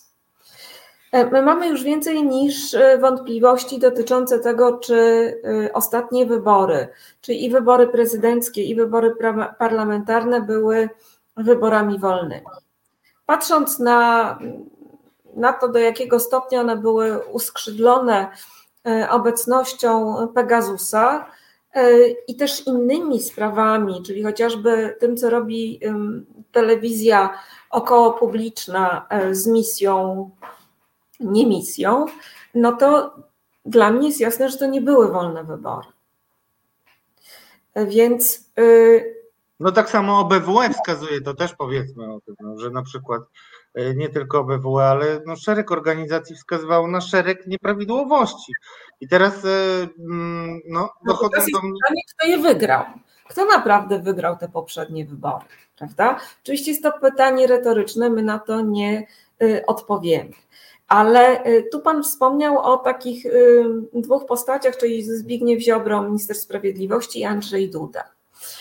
Oni, im obojgu zależy na tym, żeby w Sądzie Najwyższym pozostały te osoby które mylnie są nazywane sędziami, y, ale jednocześnie dla Zbigniewa Ziobry jest to walka o przetrwanie i też mm, no, takie podstawowe założenie jego polityki, która opiera się na populizmie i na walce i zwalczaniu wrogów. On tak samo jak Jarosław Kaczyński musi mieć wrogów, bo inaczej nie jest wyrazisty, jego polityka nie istnieje. I mamy tu inną postać, czyli Andrzeja Dudę, który zaczął być doceniany e, przez zagranicę. Tutaj z tego nawiasu wyciągnęła go Ursula e, von der Leyen, e, która znalazła w nim jakiś punkt zaczepienia do mówienia o polskich problemach. I y, on odpowiadał trochę bardziej sympatycznie i spolegliwie y, niż rząd. I tu powstało takie moim zdaniem błędne wrażenie, że można na nim tą politykę oprzeć. No i bardzo ważna sprawa związana właśnie z wojną y, na, nie wiem jak to powiedzieć, na terenie Ukrainy. Mhm. I ta potrzeba jednak dialogowania z Polską, bo bądźmy szczerzy, Joe Bidena do Polski nie ściągnęła e, ani polska polityka, ani, ani polska serdeczność, ani podziw dla tego, co robimy, tylko niestety ten konflikt, który znalazł się u bram NATO. Więc nie jest to uznanie obecnego rządu i prezydenta, e, tylko raczej taka konieczność rozmawiania z nimi w tej trudnej sytuacji. I Andrzej Duda się w tym odnajduje. On się zaczął w tym dobrze czuć, on zaczął być doceniany. Ja miałam wrażenie, że on jest takim też bardzo sfrustrowanym prezydentem, bo on, on, on chciałby być miły, tak? I bardzo to w jego osobowości jest widoczne. I tym na przykład, czym on wygrywa, czym sobie zyskuje zwolenników, to jest to, że on docenia Polskę prowincjonalną, ale docenia ją nie udając, tylko docenia ją naprawdę. On się w tym świecie świetnie czuje. On lubił podróżować po Polsce, on, on lubił trafiać do małych miejscowości, on się cieszył z tego, jak był tam witany, on wchodził w prawdziwy dialog. I nagle podobna sytuacja akceptacji y, jest po stronie różnych podmiotów międzynarodowych. No więc y, Andrzej Duda tutaj zrobił taką też pozorny ruch, bo to absolutnie jego projekt nic nie daje. Jest wręcz projektem niedobrym, bo tylko utrwala te niedobre osoby, nie będące sędziami w Sądzie Najwyższym. Ale jak gdyby w jego projekcie to jest najbardziej zaowalowane. Natomiast to, co mówi Zbigniew Ziobro, no, musi pasować do, do jego obrazu, do jego polityki, do jego zwolenników. No i tutaj oczywiście Unia jest zła, Unia jest B, Unia nam odbierze suwerenność. Aha, a tak a propos, postanowiłam wystartować z prywatną krucjatą y, i zamierzam zwalczać wszystkich tych, którzy twierdzą, że Unia należy, odbierze nam suwerenność, czy mogłaby. Oczywiście będę ich zwalczać nie ogniem i mieczem, tylko chociażby wyrokami e, Trybunału Sprawiedliwości, czy wiedzą dotyczącą organizacji międzynarodowych, więc jak gdyby ktoś chciał, to jestem gotowa to ciągle i ciągle tłumaczyć. Na razie testuję to na moich studentach i muszę powiedzieć, że przynosi to bardzo dobre efekty. Także jakby ktoś miał wątpliwości, to... Ja mogę tylko powiedzieć, że Zbigniew Ziobro właśnie w, w, w Sejmie podczas debaty powiedział, stawką tej, tej sprawy nie jest żadna praworządność, tylko suwerenność. Tak, może troszeczkę zmieniłem cytat, ale o to chodziło, więc wiemy, komu wy, wypowiada pani Krucjatę. Myślę, że większość y, na, naszych widzów będzie pani kibicować jako zwolennicy mm, praworządności przede wszystkim, ale też członkostwa Polski w Unii. Chciałbym przejść jeszcze na, na moment do przykrej historii, e, która spotkała naszą też częstą gościnę. Ja jestem szczególnie z nią związany, ponieważ debiutowała jeszcze e, telewizyjnie, że tak powiem, w poprzednim medium, w którym e, mogliśmy się widywać, drodzy Państwo. I teraz no, jest y, atakowana i to bardzo otwarcie. Eliza Rutynowska, prawniczka Fundacji Obywatelskiego Rozwoju, której poświęcono paszkwilowaty tekst, drodzy Państwo.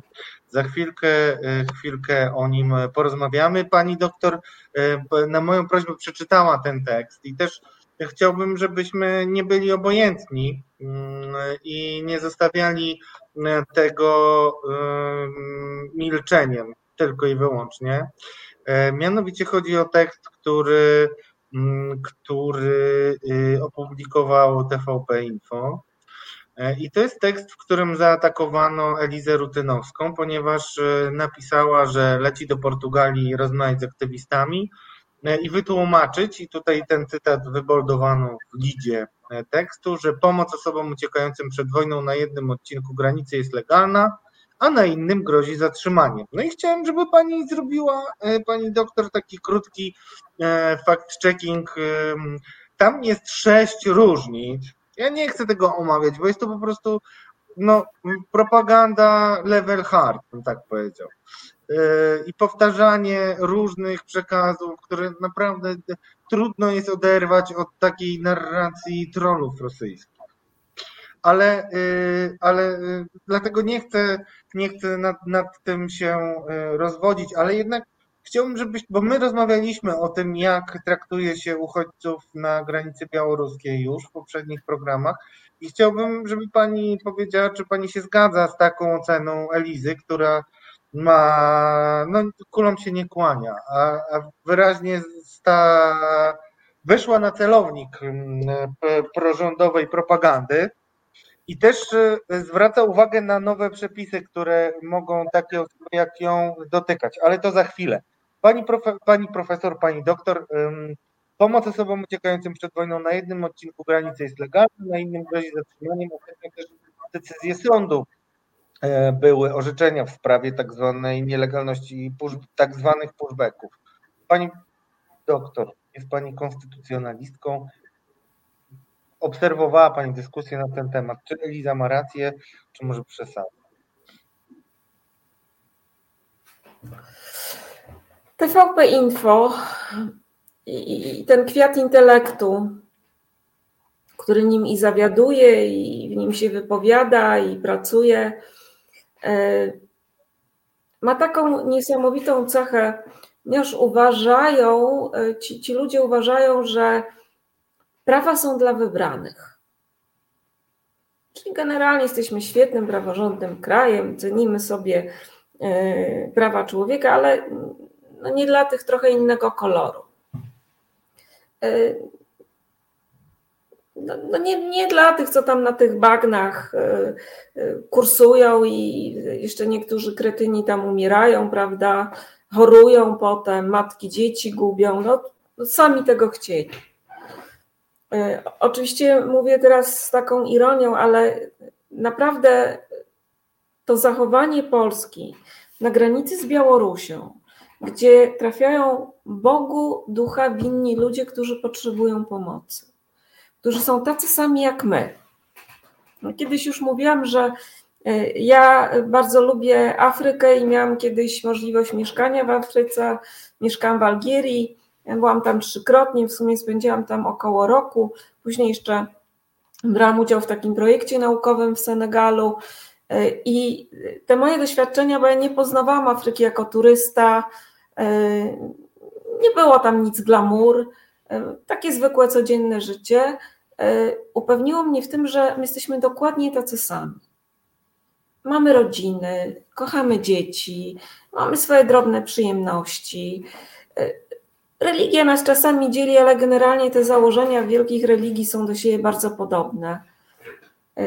I nie mogę pojąć tego okropnego bestialstwa mojego kraju na granicy białoruskiej, gdzie dumnie się ogłasza w telewizji niby to publicznej, jak się odparło tych biednych ludzi, albo pokazuje ich się, kiedy oni, nie wiem, no rzucają kamieniem, po iluś tam dniach tkwienia tam i marzeniu, żeby dotrzeć do jakiegoś spokojnego, bezpiecznego miejsca. Jest to dla mnie coś, czego ja nie mogę pojąć, i to jest to, co ja mówiłam o tym wcześniej, co rezonuje na arenie międzynarodowej i powoduje, że Polska widziana jest jako jakiś dziwny, wrogi kraj. Nie mogę tego zrozumieć, niepojmowalne jest to dla mnie i na naszych oczach w naszym kraju dzieje się tragedia. Jeśli chodzi o Elizę Rutynowską, ja jej nie znam e, osobiście, ale obserwuję e, jej działalność, e, słucham jej ją, oglądam ją i dla mnie jest takim niesamowitym człowiekiem, który łączy w sobie dwie takie bardzo ważne cechy. Z jednej strony ona jest bardzo nowoczesnym prawnikiem, mądrym, który nie gubi się w niuansach, tylko ogarnia całość. Dlatego, że z nas prawników generalnie się robi fach idiotów i my się znamy na tym małym wycineczku, ale, ale całość to absolutnie nie. U Elizy tego nie ma. Tak? U Elizy jest taka bardzo mocna synteza. I, I drugą rzecz, którą ona robi, która jest niesamowita, ona mówi o prawach człowieka, ona mówi o demokracji, ona mówi o praworządności, nie siedząc w zaciszu swojego gabinetu, tylko walcząc na pierwszej linii frontu. Ona się angażuje w najrozmaitsze sprawy. Ja mogę powiedzieć, że y, kiedy ja wybrałam dla siebie ścieżkę praw człowieka, to dla mnie takim po, po skończeniu różnych studiów, takim y, ważnym krokiem było to, żeby zostać wolontariuszem Fundacji Batorego. Ja działałam wtedy w takim programie przeciw korupcji, potem to się nazywało Odpowiedzialne Państwo. Bo ja uważam, że ja muszę się bezpośrednio zetknąć z tym, o czym ja później będę mówiła. Jak wygląda praktyka i jak wygląda e, teoria. I Eliza robi to dużo większym stopniu. Jest człowiekiem, który jest zaangażowanym do szpiku kości. Jest naprawdę świetnym prawnikiem. No więc nie dziwcie się Państwo, że ona jest solą w oku. Młoda, piękna, wykształcona, i jeszcze do tego dzielna. No to kogoś takiego chce się niszczyć w pierwszym rzędzie. Zwracam na to uwagę, bo obserwuję Elizę, która jest osobą bardzo młodą jeszcze i naprawdę nie przebiera w słowach, a wydaje mi się, że czasy są właśnie takie, że nie możemy sobie pozwolić na to, także żeby w słowach przebierać. I dlatego chciałem jeszcze jedną, jeden wątek poruszyć dotyczący Elizy, który, na który ona zwróciła moją uwagę i wydaje mi się, że powinien wybrzmieć. Chodzi o tę nowelizację, która jest proponowana przez Zbigniewa e, Ziobro. Chodzi o nowelizację kodeksu karnego, która zakłada innymi zmianę przepisów dotyczących e, penalizacji szpiegowstwa, ale w dwóch obszarach. Ja tutaj Państwu, mm, państwu y, pozwolę sobie zacytować dokładnie mm, fragment tegoż mm, e, te, tego zapisu, znaczy na czym polega zmiana. Zmiana ma polegać, nowelizacja wprowadza karę za przygotowanie działań szpiegowskich od 6 miesięcy do lat 8 więzienia, a także, i to jest ważniejsze, drodzy Państwo, nieumyślną postać szpiegostwa od 3 miesięcy do 5 lat więzienia. W tym drugim przypadku celem jest wyprzedzenie tworzenia przez podejrzanego czy oskarżonego linii obrony polegającej na zasłanianiu się nieświadomością o przekazywaniu informacji na rzecz obcego wywiadu lub podmiotu prowadzącego działalność wywiadowczą.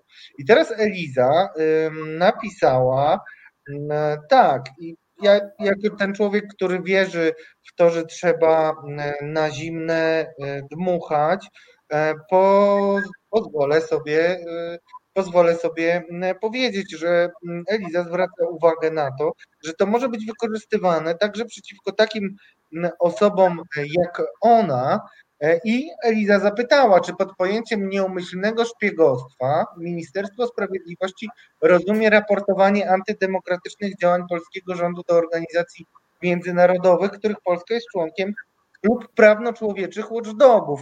Eliza wie, o czym mówi, ponieważ między innymi jeździła do Helsinek, ostatnio była też w Lizbonie, e, e, była zapraszana do ambasady amerykańskiej na dyskusję o praworządności to nie jest. Y, y, I wydaje, i zastanawiam się, czy y, na przykład taka wizyta w ambasadzie, czy też na, jakimś, na jakimś evencie, na którym spotyka się z przedstawicielami ambasady, nie mogłaby w taki tępy sposób uznana za próbę podjęcia nieumyślne, albo nawet nieumyślne szpiegostwo. Czy pani uważa, że to jest przesada, czy no, znając też całość działań tej władzy, przeciwko aktywistom i też interpretacje prawa, które są no, oryginalne, powiem tak już w tonie sarkastycznym.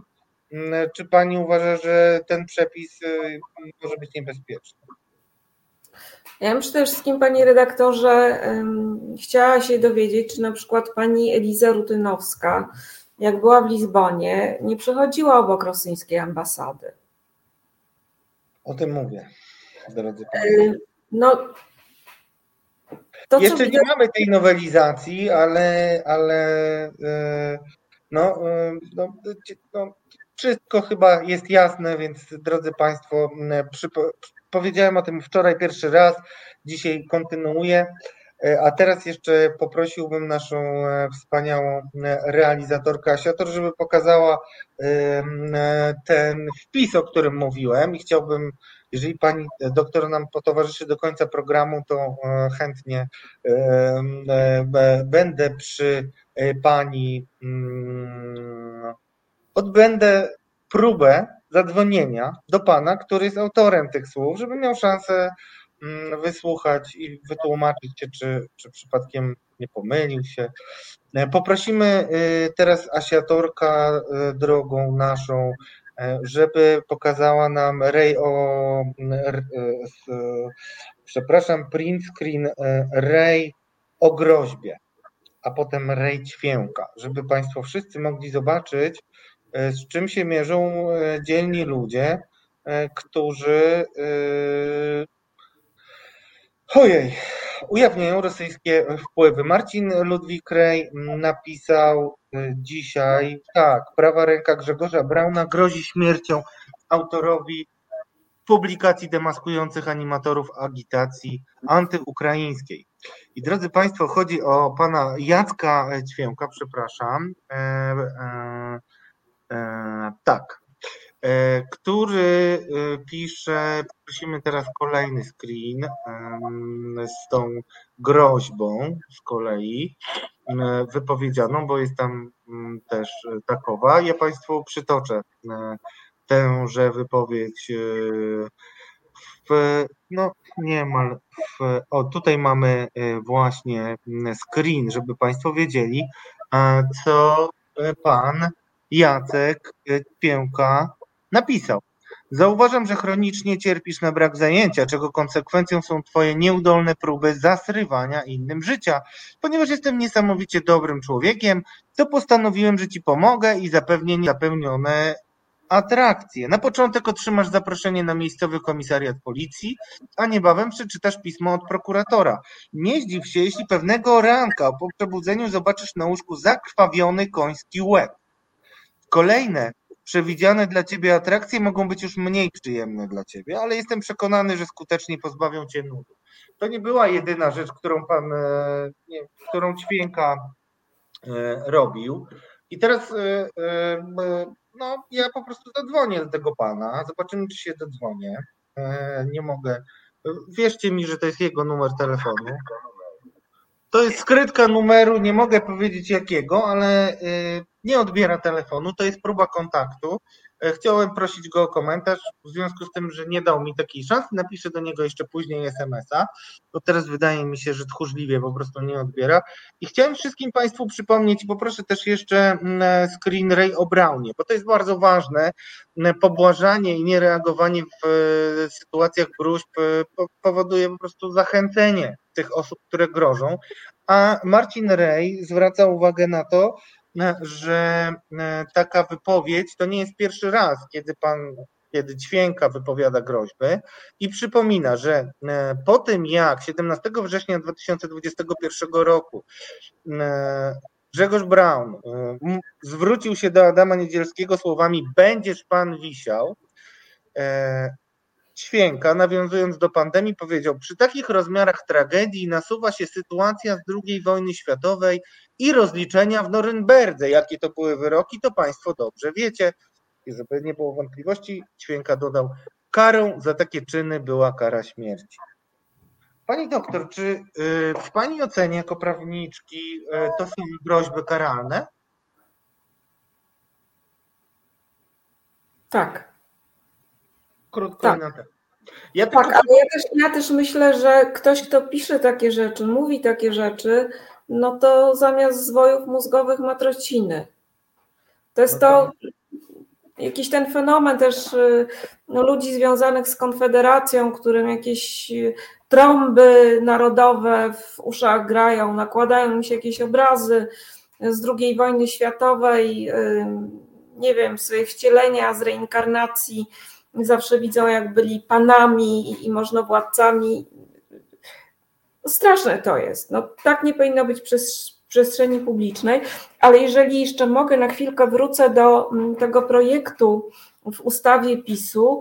E, ja chciałam powiedzieć, że e, jeżeli to wejdzie w życie, no to w ogromnym niebezpieczeństwie e, znajduje się pani prezydentowa Agata Duda, która e, była tłumaczona przez e, pana Mateusza Piskorskiego, e, no, ściganego za rzekome szpiegostwo na rzecz Rosji. Więc ja nie wiem, czy ona też nieświadomie się tu nie, nie przyczyniła. No więc absurdy, tak? Absurd bubel prawny. Natomiast takie zwrócanie, zwracanie się do kogoś, grożenie mu, jeszcze ten koński łeb, no ja kocham Francisa Forda Coppole i oczywiście Mario Puzo też jestem pełna uznania, no ale może można czytać jeszcze innych klasyków. Albo oglądać. Powiedzmy, to powiedzmy jeszcze jedną rzecz, bo to e, niektórzy, ja, ja, ja powiem szczerze, wiem o tym od rana. E, szykowałem się do programu i miałem dość sporo obowiązków dzisiaj, natomiast po programie specjalnie usiądę i napiszę jeszcze tekst na ten temat, e, bo nie można tego zostawiać. Natomiast przypomnijmy, dlaczego Marcin Ray pisze o groźbie śmiercią. No, ja też jestem fanem Francisa Forda Coppoli i pamiętam scenę z uciętą głową konia, która była zostawiona w sypialni i ta głowa konia nie była tylko takim szokiem, tylko zwiastowała morderstwo, więc jakby tutaj kontekst jest ewidentny. A też zwracam uwagę na jedną niepokojącą rzecz, znaczy Zbigniew Ziobro, który tak ochoczo na przykład chciałby wprowadzić karę dożywocia dla szpiegów i generalnie mówi o tym, że kary są za, za, za delikatne dla różnych złoczyńców, nie widział w tej wypowiedzi Grzegorza Brauna o tym będziesz pan wisiał, no, trudno o bardziej jasną groźbę karalną, E, nie widział, nie dopatrzył się tam e, przestępstwa, mimo naszych próśb jeszcze wciąż nie dostaliśmy uzasadnienia odmowy wszczęcia śledztwa. Wiem, że zażalenie poszło do sądu, ale ciągle nie ma. E, ostatnie słowo zamykające dyskusję, bo tematów zawsze i wątków możemy poruszać wiele, ale jakby pani doktor uznała, jak pani może nazwać tego typu podejście do prawa, gdzie jesteśmy skrupulatni, jeśli chodzi o i bezlitośni w czytaniu poszczególnych artykułów kodeksu karnego, jeśli chodzi o naszych przeciwników, oponentów politycznych, a kiedy chodzi o tych, z którymi może będziemy musieli w następnej kadencji szukać porozumienia e, w koalicji albo nawet wystartować razem z nimi, to okazuje się, że mogą nawet e, formułować groźby karalne i jakoś tam prokuratura jest w stanie, e, jak Nadia Comaneci, wszystko wytłumaczyć na korzyść tych, którym chcemy pomagać. Jak można nazwać? Czy to jest państwo, w którym obywatele są równi wobec prawa? Ja bym chciała powiedzieć, że jako prawnik i jako wnuczka przedwojennego sędziego, powojennego adwokata przyglądam się współprawnikom i muszę powiedzieć, że niektórzy mają takie motywacje, żeby stać się prawnikami, których nie znam. Ale część idzie do tego zawodu, żeby robić dobre rzeczy, a część idzie po to, żeby mieć władzę. I ci, którzy chcą mieć władzę, to chcą mieć ją za wszelką cenę. Y, I jak patrzę czasami, co się dzieje y, w takich gronach prawników, y, no to jestem tym przerażona. Nie rozumiem tej wybiórczości, nie rozumiem hołubienia takich ludzi jak Grzegorz Braun, nie rozumiem akceptacji takich tekstów, które są tym bardziej szkodliwe, że pojawiają się w przestrzeni publicznej. I oczywiście y, myślę, że Zbigniew y, Ziobro widzi dwa gatunki ludzkie. Takie, które jeden gatunek to jest ten, który mu sprzyja, i drugi gatunek jest taki, który mu nie sprzyja. I zależnie od tego tutaj odpowiednie instrumenty prawne dozuje. Krótko i na temat. Naszą gościnią była pani doktor Bogna Baczyńska, konstytucjonalistka, Uniwersytet Szczeciński. Bardzo dziękuję, że znalazła Pani dla nas czas i e, przybyła na zaproszenie. To ja dziękuję. Drodzy Państwo, to było katarzis. Dziś, e, to, no właśnie, to było katarzis, taka jest prawda, nie, nie oszukujmy się.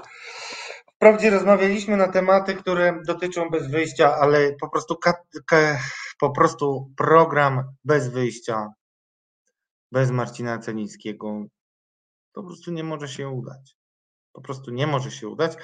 Choroba Marcina zaskoczyła mnie, więc nie byłem w stanie e, zrobić najlepszego programu antypolexitowego e, w tak szybkim czasie, dlatego zaproponowałem dzisiaj Państwu ten format, który mm, no, prowadzę w środę wieczorem.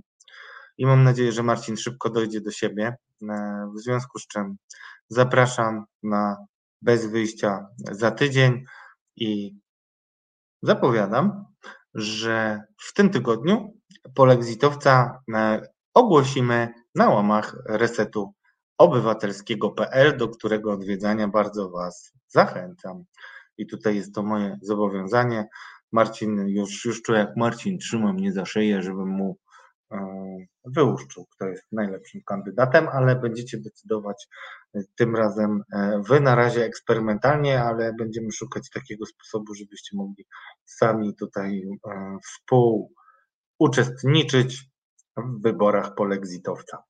Przypominam Państwu, że łapki w górę nam się bardzo przydają i też zwracam uwagę, że to jest wspaniała wiosna i będzie jeszcze piękniej.